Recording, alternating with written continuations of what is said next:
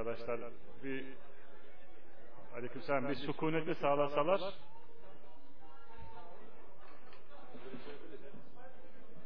olmaz. Şuraya koy. Yok, yo, suyu değiştirme. Arkadaşlar başlamak istiyoruz.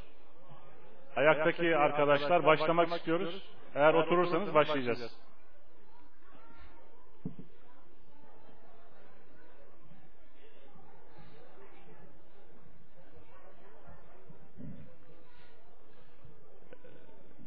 Bir uyarımız var. Çocuklardan, çocuklar tarafından, kadınlar tarafından ses geliyor. Hem de bayağı yüksek bir şekilde geliyor. Lütfen kadınlar çocuklarına sahip çıksınlar. Herhalde kreş var değil mi? Kreşe lütfen çocuklarınızı teslim edin. Burada ben kendi sesimi dahi zor duyuyorum.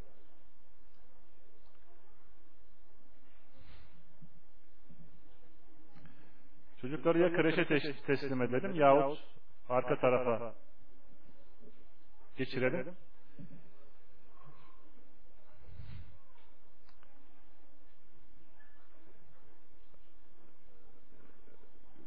ücretlerin ödenmesi sonraya kalsın arkadaşlar lütfen. Euzu billahi mineşşeytanirracim. Bismillahirrahmanirrahim. İnnel hamdeleillah nahmeduhu ve nestainuhu ve nestağfiruh ve na'udzu billahi min şururi enfusina ve min seyyiati amalina. Fela mudille leh ve men yudlil fela hadiye leh. Ve eşhedü en la ilahe illallah vahdehu la şerike leh ve eşhedü enne Muhammeden abduhu ve resuluh. Amma ba'd. Bu suikast, bombalama olayları ile ilgili bunların sebebiyet verdiği müşkilatlarla ilgili bir konu işleyeceğiz. Tabi konuyu normalde iki derste arz edecektik. Fakat durum öyle gösteriyor ki üç derse bölmek zorunda kalacağız. Şimdi güvenden bahsedeceğiz. Güven, istikrar, bunun önemi, bunun korunmasının ehemmiyetinden, öneminden bahsedeceğiz. Sonra bu patlatma olaylarına, bombalama olaylarına götüren merhaleler, fikrin merhalelerinden e, bahsedeceğiz. Bu akşamki dersimizin konusu bu olacak.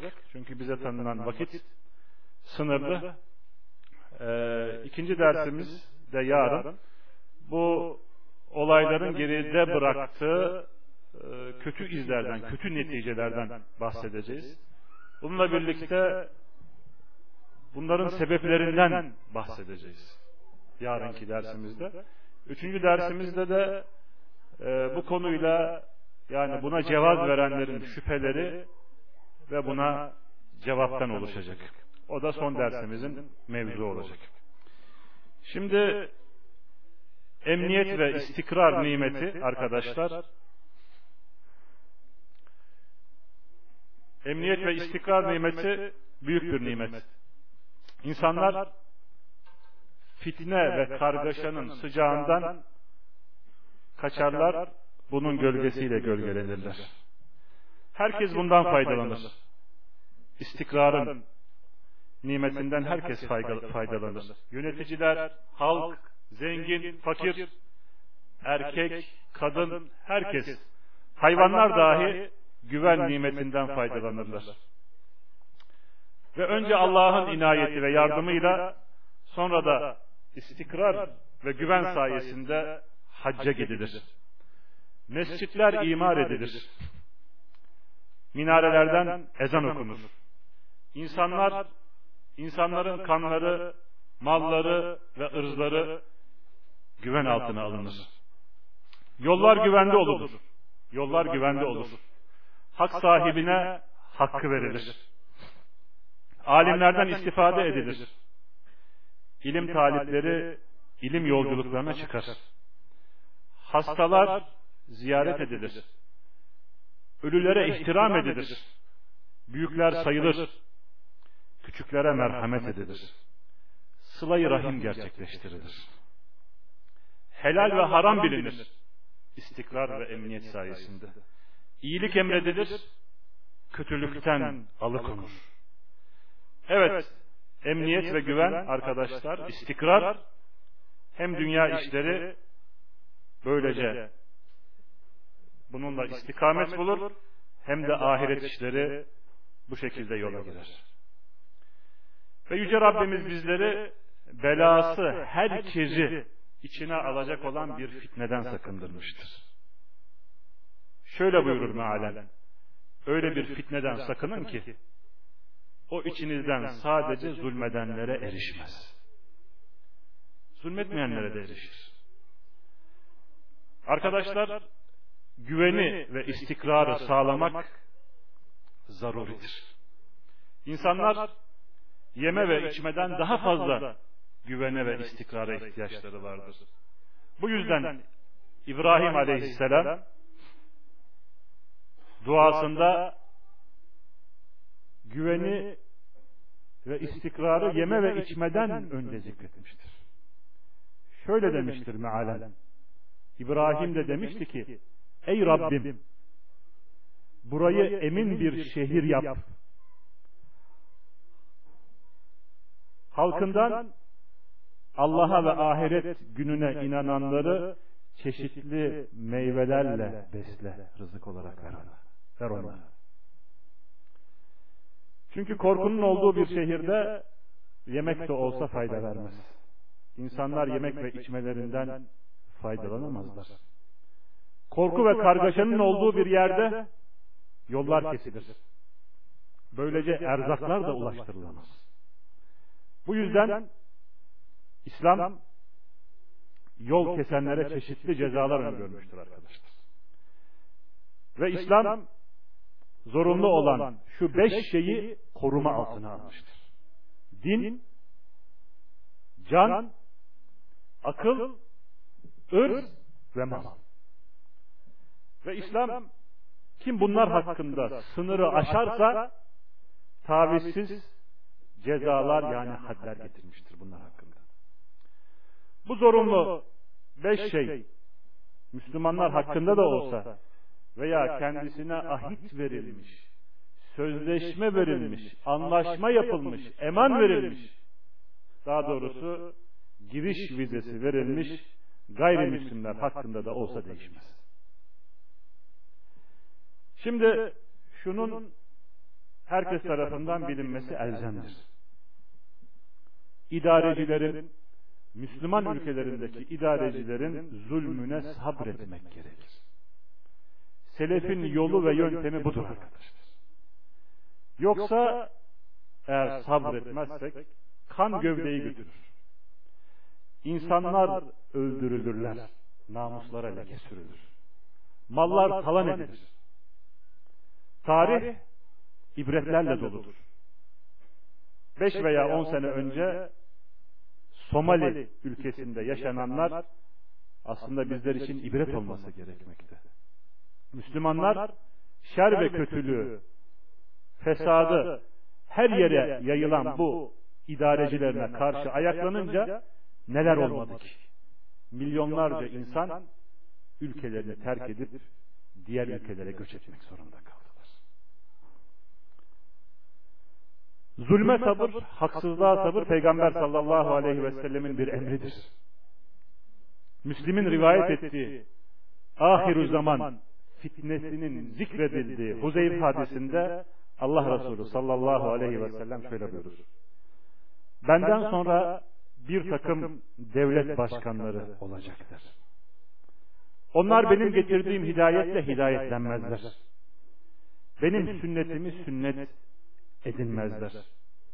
Onlar arasında öyle bir takım adamlar vardır ki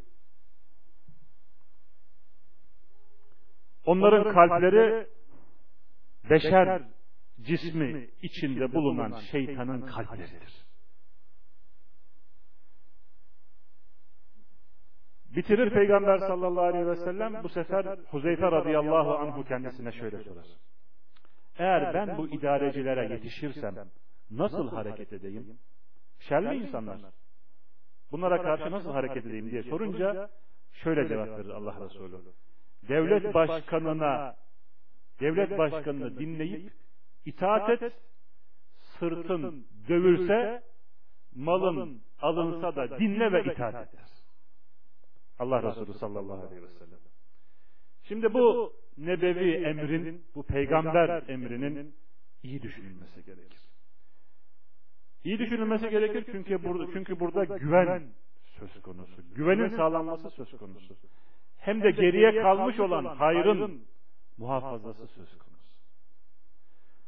Bu peygamber emrini sallallahu aleyhi ve sellemin bu emrini Ebu Zer el-Gifari alır ve fitne kapısının açıcısı olmaz. Radıyallahu anh.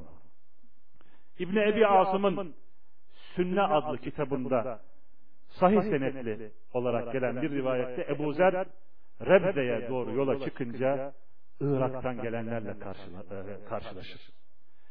Şöyle derler kendisine. Sana yapılanlar bizlere ulaştı. Sancağını çıkar. Sancağın ne manaya geldiğini biliyorsun. Sancağını çıkar, istediğin yerden insanlar sana gelir. Deyince şöyle der onlara. Ey İslam ehli yavaş olun. Yavaş olun. Ben Allah Resulü sallallahu aleyhi ve sellemin şöyle söylediğini işittim. Benden sonra sultan olacak. Onu güçlendirin. Yani izzetlendirin. Her kim de onun zilletini isterse İslam'da bir gedik açılır. Şimdi birisi şöyle söyleyebilir arkadaşlar. İdarecilere iyilik emrettikleri zaman itaat etme bu var. Ama onlar zulmü emret yani zulüm yaptıkları zaman, haksızlık yaptıkları zaman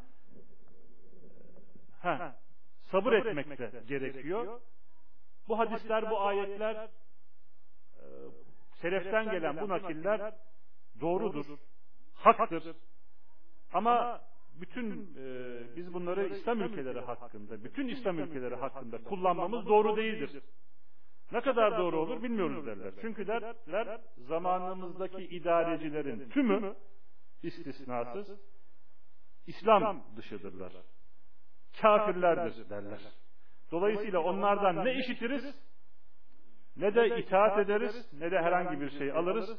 Bilakis, bilakis onlara karşı huruc etmemiz onları bulundukları yerlerden izale etmemiz bizim için, bizim hakkımızda dinin bir emridir derler.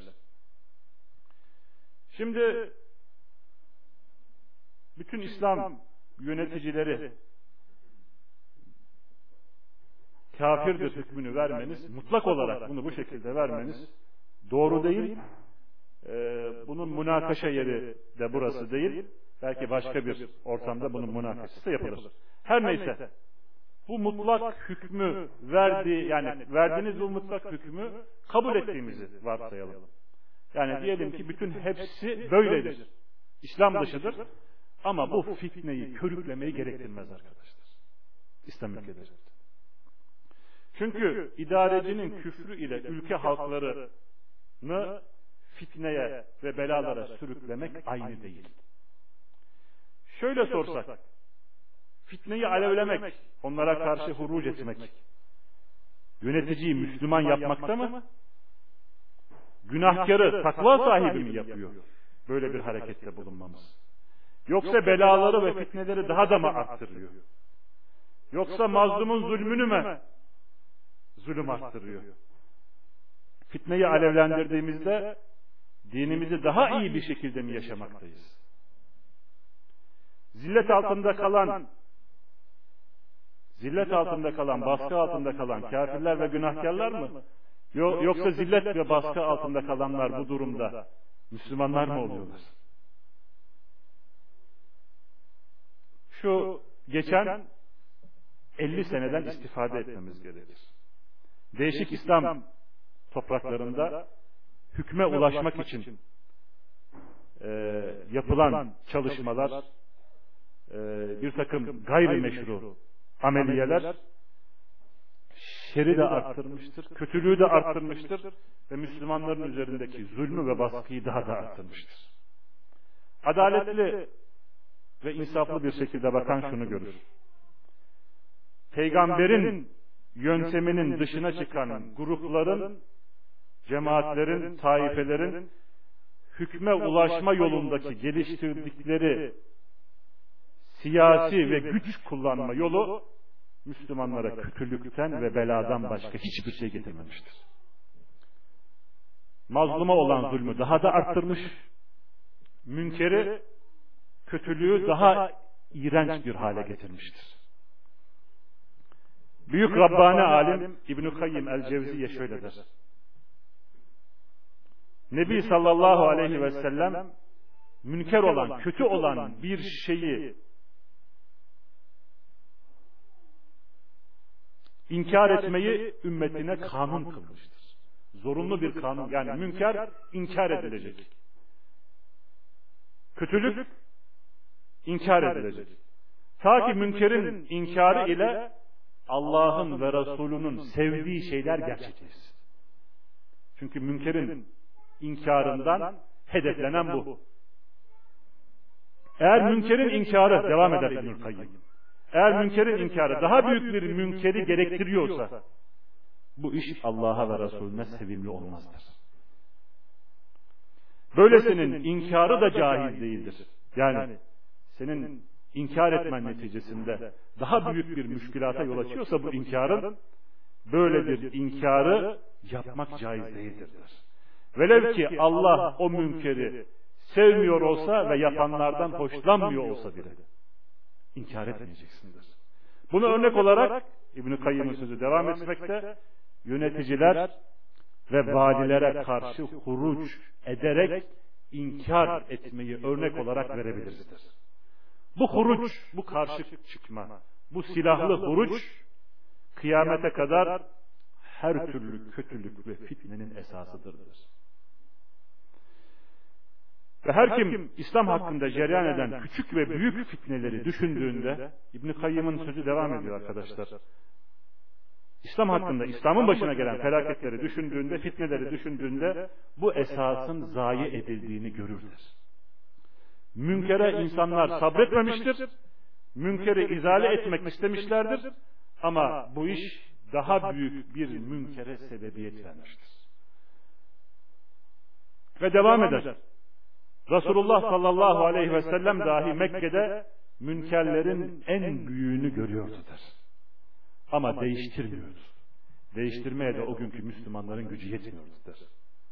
Yüce Allah Mekke'yi fethetmeyi nasip etti ve Mekke İslam diyarı oldu der. Devam eder İbnül Kayyım. Nebi sallallahu aleyhi ve sellem Kabe'yi değiştirip onu İbrahim aleyhisselamın bina ettiği temelleri üzerine iade etmeyi azmetti der. Yani Peygamber sallallahu aleyhi ve sellem biliyorsunuz döneminde kendisine peygamberlik gelmeden önce Mekke'deki e, yağan yağmurlar sebebiyle bir sel e, olur ve bu sel Kabe'yi yıkar. Akabinde e, peygamberlik gelmeden önce bu e, hasıl olmuştur. Ve daha sonra müşrikler Kabe'yi bina ederler. Fakat ellerindeki temiz meblağ temiz para yetmediği için Kabe'yi e, Hicri İsmail'i Kabe'nin e, sınırları içerisine sokamazlar. Dolayısıyla bu şekilde bina ederler ve Peygamber sallallahu aleyhi ve sellem dolayısıyla e, Ayşe validemize öyle der. Eğer kavminin der İslam'la tanışıklığı yeni olmuş olmasaydı Kabe'yi yıkar, onu İbrahim aleyhisselamın bina ettiği temeller üzerine bina ederdiler. Şimdi böyle bir azim var azmeder ama daha büyük bir fitnenin, daha büyük bir fesadın vuku bulması korkusu onu bundan men eder. Halbuki Mekke'nin fethi sonrası buna gücü yetiyordu Allah Resulü'nün aleyhissalatü vesselam'a. Gücü yetmesine rağmen bunu terk eder. Aleyhissalatü vesselam.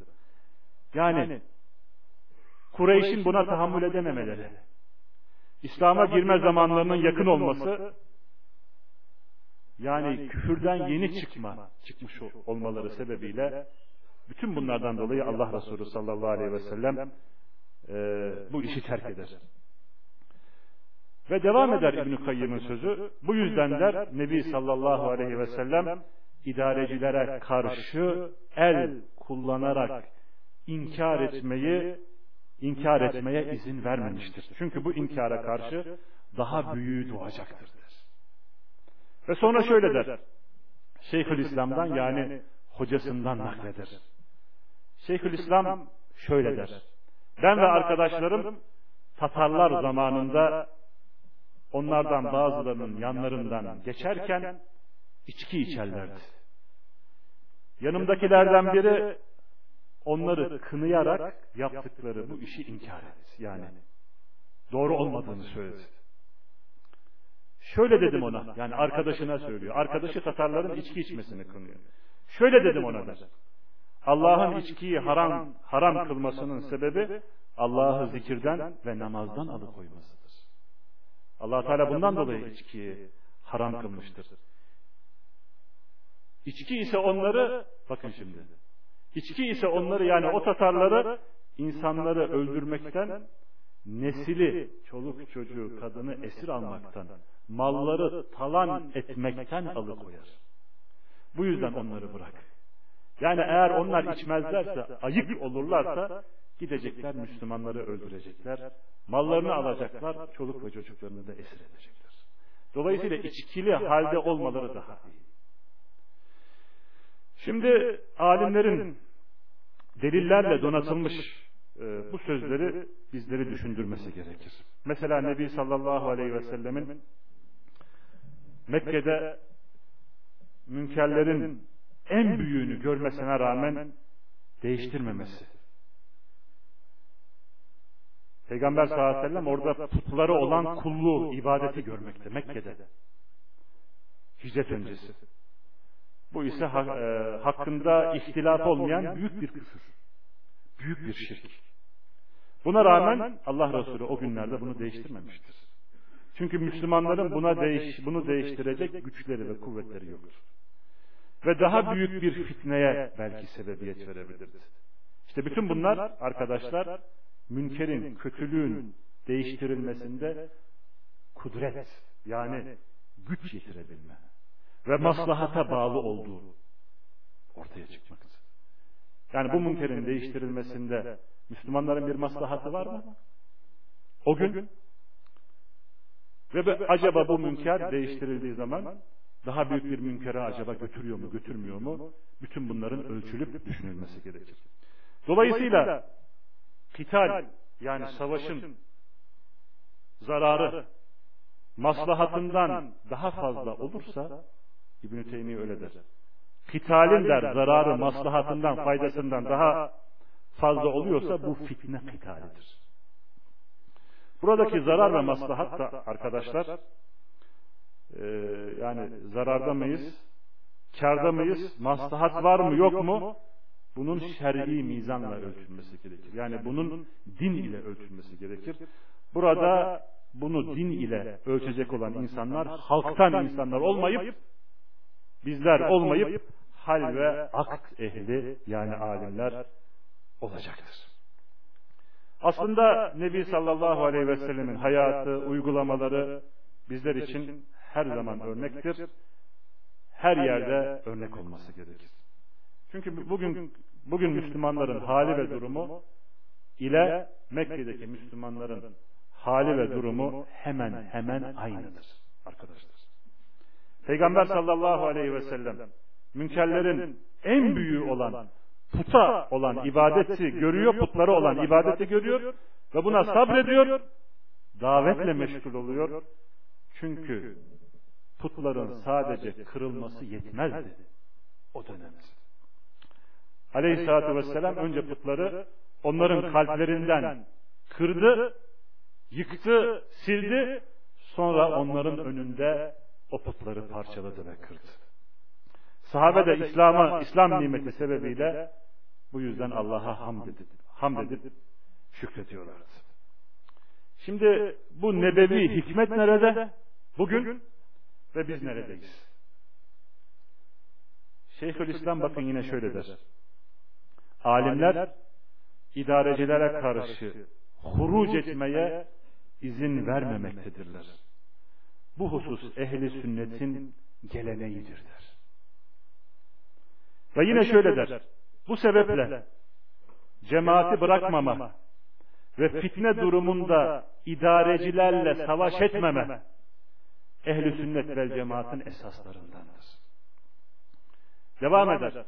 Heva ehli ise kimdir bu? Mutezile gibileri, cehmiye gibileri, hariciler, idarecilerle olan savaşı dinlerinin esası olarak görürlerdir.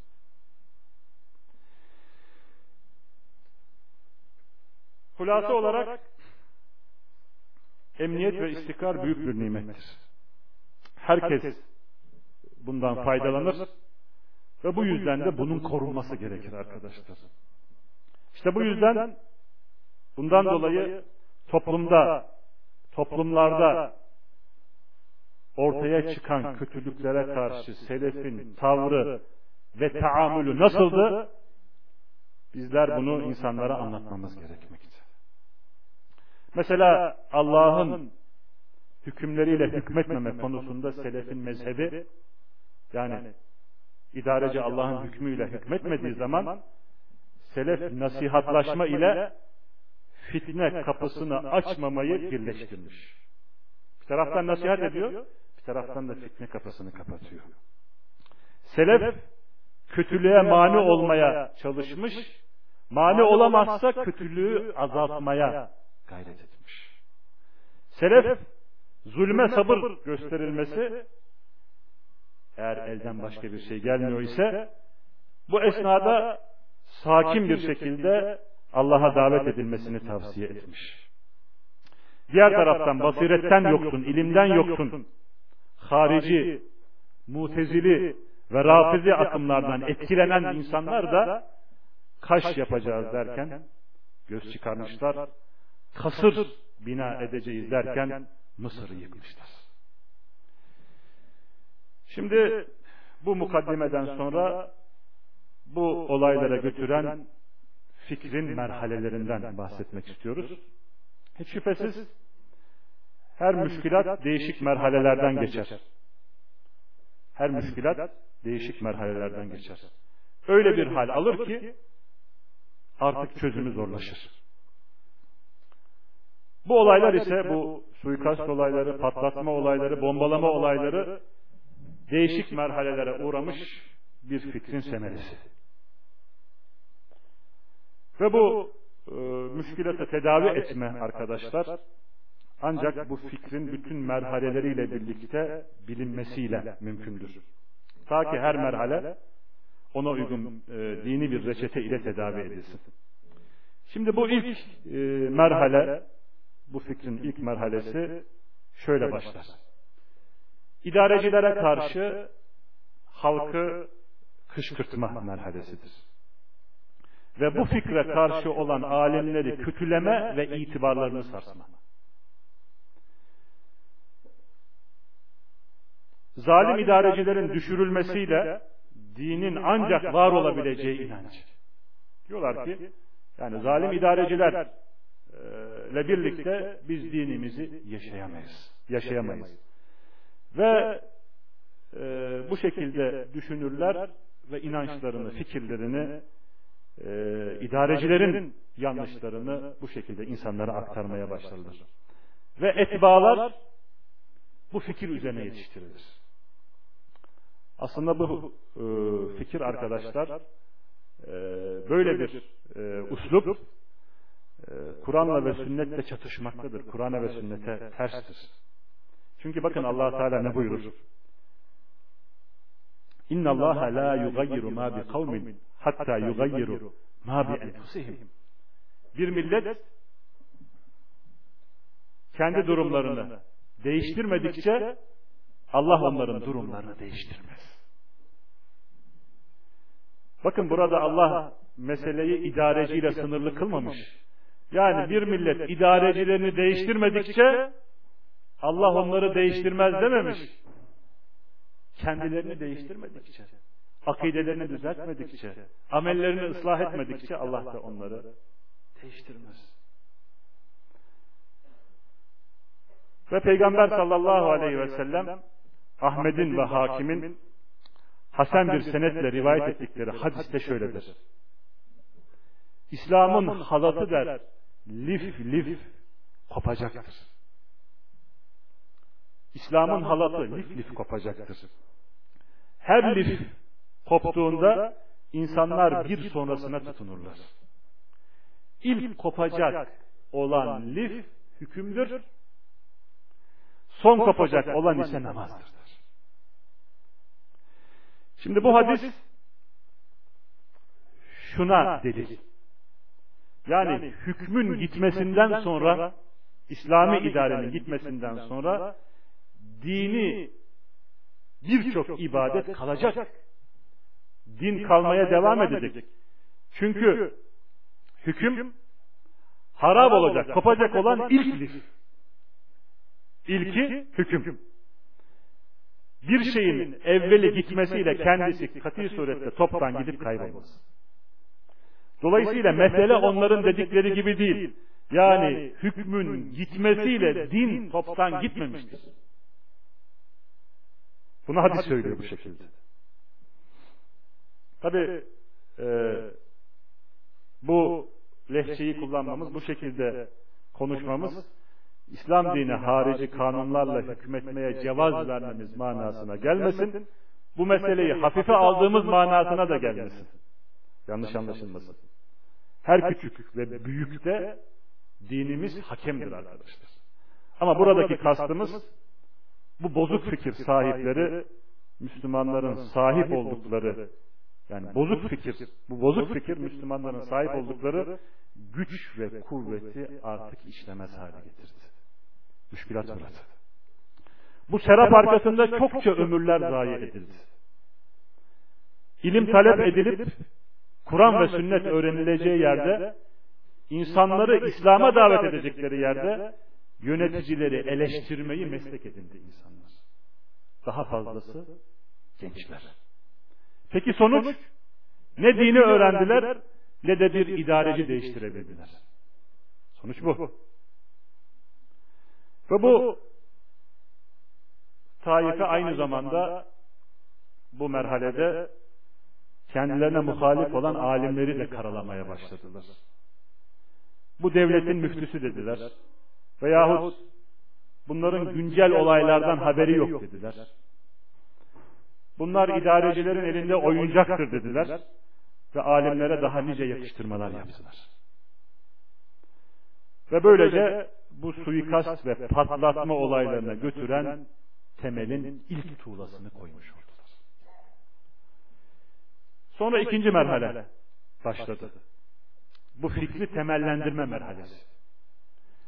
İlk merhale atıfi, hamasi, duygusal bir merhale iken bunu ikinci merhalede inanca çevirdiler. Akideye çevirdiler. Gençlerle alimlerin arasındaki bağı tamamen kopardılar. Güvenilir değillerdir diyerekten tamamen kopardılar. Sonra da kurallarını koymaya başladılar. Temellerini atmaya başladılar bu fitnenin. Bütün yöneticilerin kafir olduklarını söylediler. Ve bu hususta Kur'an ve sünnetten deliller getirmeye çalıştılar. Ahmed İbni Hanbel, İbn Teymiye, İbnül Kayyim, Şatibi ve diğer alimlerin sözlerini delil olarak sundular. Ve fikirlerinin bu şekilde temellerini atmaya başladılar. Ancak getirilen bu e, kurallar arkadaşlar düşünüldüğü zaman yöneticiler bir tarafa Müslümanların çoğu dahi bu kuralların uygulanmasıyla kafir olmaktadır. Yani bu şekilde zalimce uygulanmasıyla bırakın idarecileri Müslümanların birçoğu dahi kafir olmaktadır. Mesela bu kurallardan bir tanesi şu. Kim bir masiyet, bir günah tanzim eder, düzenlerse o kişi o masiyeti, o günahı helal kılmıştır. Dolayısıyla masiyeti helal kılmasıyla, günahı helal kılmasıyla kafir olmuştur. Mesela buna bazı İslam ülkelerindeki faizle alışverişi örnek olarak gösterirler. Faizle alışveriş yapılıyordur derler. Faiz vardır bazı İslam ülkelerinde derler. Dolayısıyla bu masiyeti, günahı tanzim etmek demektir, düzenlemek demektir. Bu da küfürdür derler. Veya şöyle derler, kim bir günahı açığa vurursa onu helal kılmıştır. Dolayısıyla kafir olmuştur. Günahı açığa vurursa. Gizliden yaparsa bir şey olmaz derler. Ama açığa vurursa, açıktan günah işlerse bununla yöneticileri kastetmişlerdir. Fakat bu kurallar maalesef Kur'an ve sünnetten uzaklaştırılarak ve selefin anlayışından hariç bir şekilde koyulmuş kurallar. Çünkü bu kurallardan hakimler ve yöneticiler selamet bulamayacağı gibi Müslümanların çoğu da tekfirden nasiplerini bolca alacaklar. Peki o zaman haricilerin büyük günah sahibine kafir demeleriyle bu kuralın arasındaki fark ne? Onlar da hariciler de büyük günah işleyen Müslümana kafir demektedir. Peki onunla bunun arasındaki fark ne? Kendileri her ne kadar bir takım nazari farklar olduğunu söyleseler de hakikatte bu görüş haricilerin mezhebine dönmekte. Mesela şöyle bir kural koyarlar. Her kim güvenlik kurulunu Birleşmiş Milletleri kabullenirse o kişi kafir olur derler.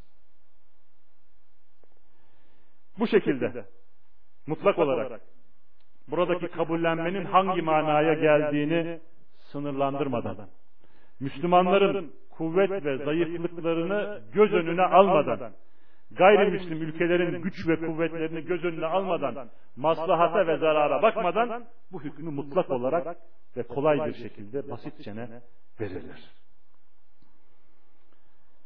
Biraz önce de dediğimiz gibi arkadaşlar bu kurallardan, bu kaidelerden hiçbir idareci selamet bulamayacağı gibi halkların çoğu da selamet bulamaz.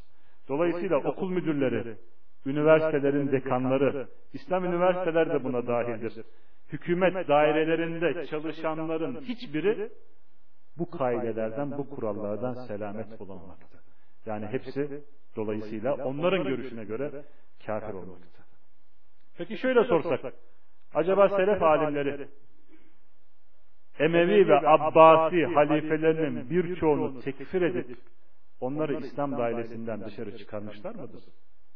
Çünkü onlar da insanların mallarını talan etmişler ve aralarında sahabeyi öldüren yöneticiler de var.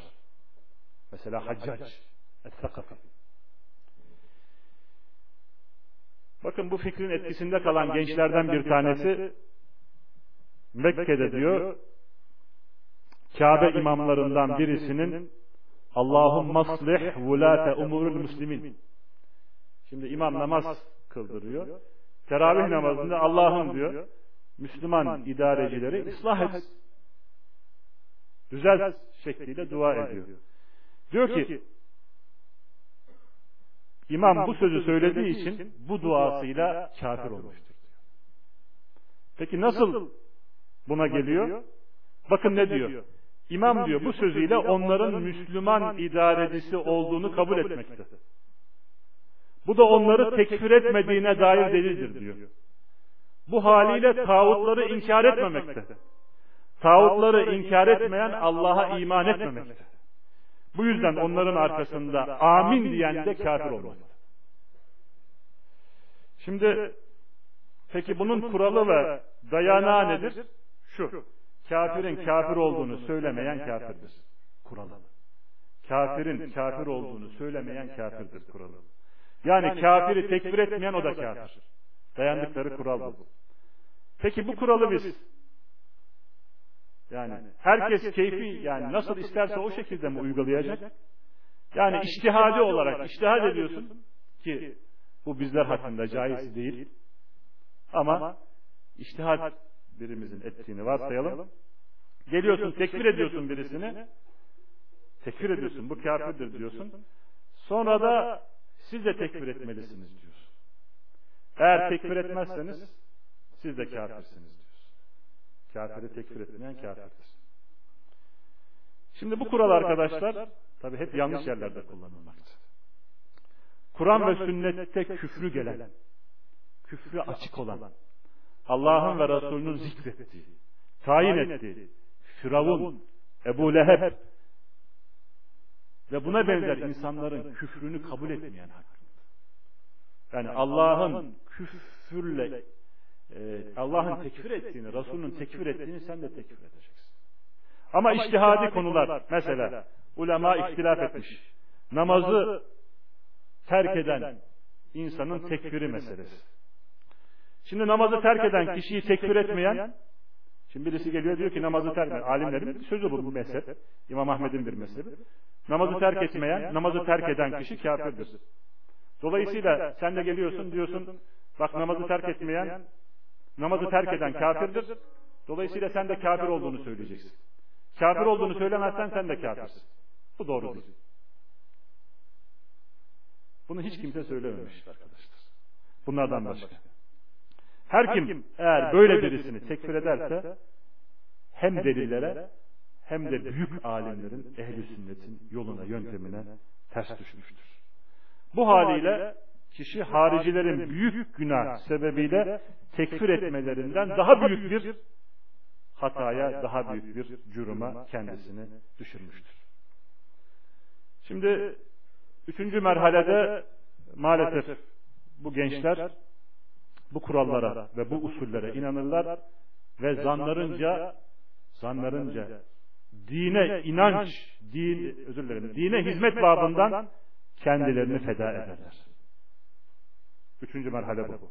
Bombalar taşıyan kamyonlara binerler, hem Müslümanları hem de kendilerini bu şekilde katlederler. Lisanı halleri sanki şöyle der. Allahu Ekber. Yarın Muhammed sallallahu aleyhi ve sellem ve ashabıyla karşılaşacağız derler. Subhanallah diyoruz. Yanlış anlayış ve yanlış yorumlar, yanlış tevil, ehli sünnetin yolundan, yönteminden ayırma insana neler yaptırmakta. Bu bize Ali radıyallahu anhunun katili olan Abdurrahman İbni Mulcem. Mulcem. Mulcem mi Mulcem?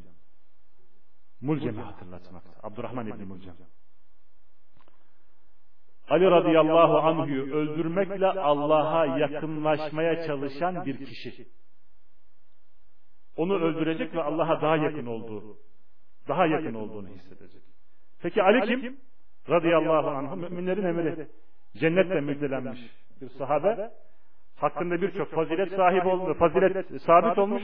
Hasan ve Hüseyin'in babası Peygamber sallallahu aleyhi ve sellem'den parça olan Fatıme'nin kocası. Ali radıyallahu anh. Emir-i müminin. Bakın bütün bunlara rağmen İbn-i Mulcem katlediyor Ali radıyallahu anh'ı. Sonra yakalanıyor. Kendisini öldürmek isteyenin tutacaklar, tuttular, öldürüyorlar yavaş yavaş öldürmesini tavsiye ediyor. Diyor ki beni parça parça kes. Tek bir vuruşla beni öldürmeden parça parça kes. Ta ki Allah'ı daha fazla zikredeyim. Arkadaşlar. Bütün bunları anlatmaktan amacımız bu fikirleri, bu fikirlerden gençleri uyarmak, sakındırmak ve bunlara çağıranlardan onları aldanmaktan sakındırmaktır, uyarmaktır. Çünkü bu tür düşüncelerin, bu tür fikirlerin eyleme dönüştürülmesi neticesinde birçok suçsuz insanın, Müslümanın, e, gayrimüslimanın kanı akmış ve bu sebeple Müslümanlar üzerindeki baskı ve zulüm daha da artmıştır dünya üzerinde. Diyorum ve burada sohbetimi bitiriyorum. Herhalde e, bana ayrılan vakit de burada bitiyor. Ee, önümüzdeki yarınki dersimizde e, bunların geriye bıraktığı kötü etkileri, kötü neticelerinden bahsedeceğiz. Son olarak da e, bu fikrin sahiplerinin bir takım şüpheleri var. Bunlara cevap vermeye çalışacağız. Subhaneke Allahumma ve bihamdik. Eşhedü en la ilahe illa ente estağfuruka ve etûbü ileyk.